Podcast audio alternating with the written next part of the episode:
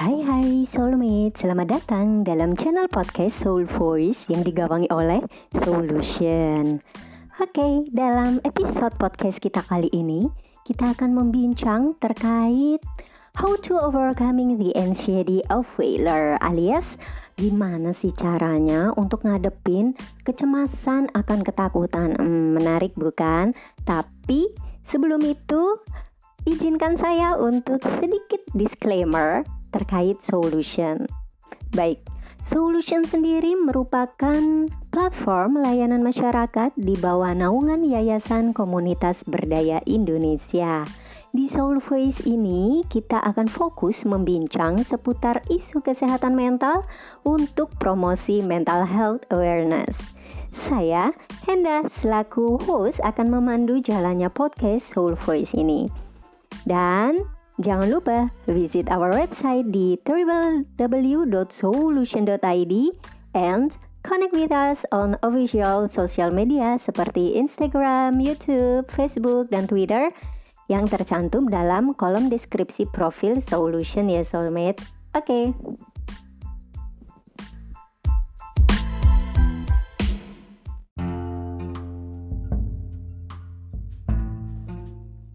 Baik, Soulmate Mungkin sebagian besar dari kita telah familiar mendengar istilah anxiety atau kecemasan ya. Sebenarnya rasa cemas merupakan reaksi yang normal bagi psikis kita saat kita merasakan rasa takut, kemudian gugup, uh, rasa prihatin terhadap kondisi masa depan termasuk rasa khawatir uh, terhadap kondisi masa depan atau nasib kita yang belum terjadi. Sebenarnya rasa cemas ini merupakan reaksi yang normal dan setiap orang pernah mengalaminya. Akan tetapi, rasa cemas ini akan berubah menjadi suatu gangguan, yaitu gangguan kecemasan apabila telah mengganggu fungsi individu kita secara personal dan fungsi sosial. Nah, rasa cemas yang normal biasanya itu akan hilang sendiri uh, ketika faktor triggernya atau pemicu anxiety-nya itu hilang juga seperti itu. Contohnya nih, ketika kita hendak berbicara atau berbi, uh, berpidato di depan umum, kita akan merasakan uh, kecemasan atau merasa cemas atau gugup seperti itu. Nah, akan tetapi ketika kita telah berada di panggung atau telah melewati uh, proses pidato itu, kita tidak lagi merasakan rasa cemas. Nah, akan tetapi rasa cemas ini akan berubah menjadi suatu gangguan apabila misalnya nih ketika kita hendak melakukan sesuatu entah itu mau berbicara di depan umum atau menghadapi ujian atau uh, presentasi kerja misalnya. Apabila kita selalu merasakan kecemasan, nah itu yang perlu dipertanyakan. Nah, kali ini sebenarnya fokus kita lebih ke bagaimana sih uh, kita menghadapi kecemasan akan ke, uh, apa kegagalan. Jadi rasa takut atau cemas terhadap kegagalan. Nah, Soulmate jawab sendiri ya. E, pernah nggak sih kalian itu merasa takut dan cemas akan kegagalan? Pasti pernah dong. Saya juga secara pribadi juga pernah begitu. Nah, ada dua hal yang perlu kita ketahui terkait hal ini. Yang pertama adalah ketika uh, soulmate takut gagal, soulmate akan menghindari atau cenderung menghindari situasi yang berpotensi membahayakan.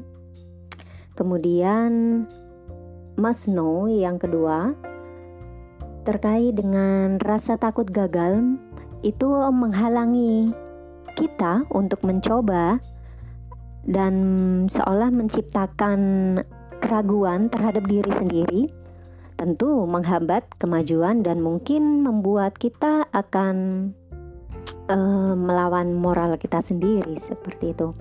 Oke, coba bayangkan Sebutkan hal apa yang soulmate takutkan saat ini. Dan hal apa sih yang pernah soulmate uh, gagal atau merasa gagal? Jadi kita ingat-ingat deh, coba deh uh, apa sih kegagalan yang pernah kita hadapi gitu kan atau yang kita alami dan ketakutan apa sih yang sedang kita hadapi saat ini sehingga kita cemaskan seperti itu. Oke, okay. uh, eh, silakan jawab sendiri-sendiri. Kemudian uh, kita perlu tahu apa sih yang menyebabkan rasa takut gagal. Pernah mikir nggak? Oh, aku takut gagal ini aku takut gagal ketika misalnya gagal ujian atau gagal uh, dalam wawancara kerja atau gagal mengikuti lomba atau kalah. Nah, pernah berpikir nggak apa sih yang menyebabkan rasa takut gagal itu? Tuh, nah, ternyata ada penyebabnya nih. Yang pertama, terkait dengan pola uh, pola asuh ya sejak masa kecil. Jadi soulmate, pola asuh orang tua yang selalu mengkritik dan mendidik anak dengan ancaman atau ultimatum pada anak, sehingga anak itu akan selalu meminta izin dan menjadikannya sebagai jaminan. Nah, jadi hati-hati ya dalam menerapkan uh, pola asuh pada anak kecil, karena uh, investasi yang kita tanamkan hari ini, entah itu pada anak kita atau adik kita, ponakan kita, atau bahkan orang lain, anak tetangga misalnya, itu menjadi investasi masa depan anak itu akan menjadi seperti apa dan berperilaku dan berperasaan seperti apa gitu. Oke, penyebab yang kedua terkait dengan perfeksionis. Nah, kegagalan begitu mengerikan dan memalukan sehingga orang-orang yang perfeksionis ini uh, tidak mencobanya sehingga melangkah keluar dari zona nyaman uh, kita menjadi seolah uh, hal yang menakutkan. Kemudian penyebab ketiga terkait dengan personalisasi yang berlebihan.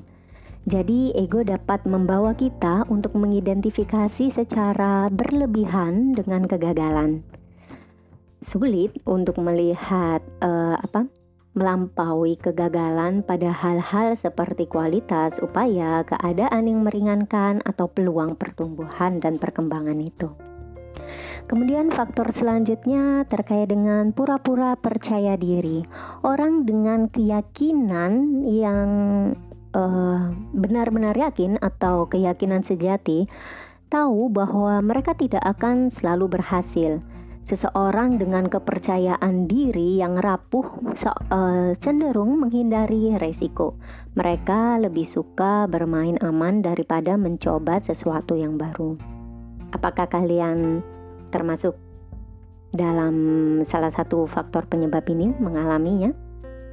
Oke, lalu gimana sih cara ngadepinya gitu atau uh, overcoming ya? Pertama adalah cari tahu dari mana rasa takut berasal. Coba deh soulmate tanyakan pada diri kalian sendiri apa penyebab utama keyakinan negatif kalian.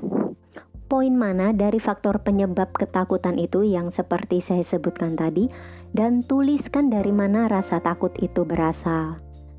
Lalu jadikan ia seolah sebagai outsider atau orang luar.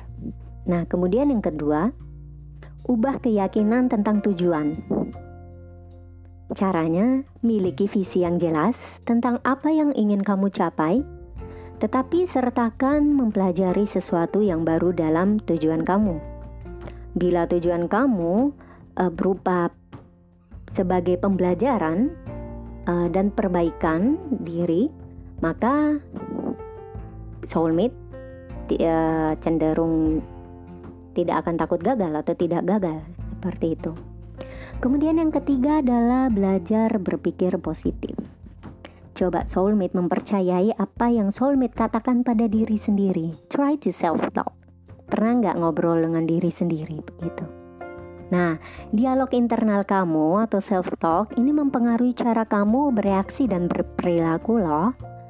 Nah, masyarakat kita itu sebenarnya terobsesi dengan kesuksesan, tetapi penting untuk disadari bahwa bahkan orang yang paling sukses pun pernah atau bahkan sering mengalami kegagalan.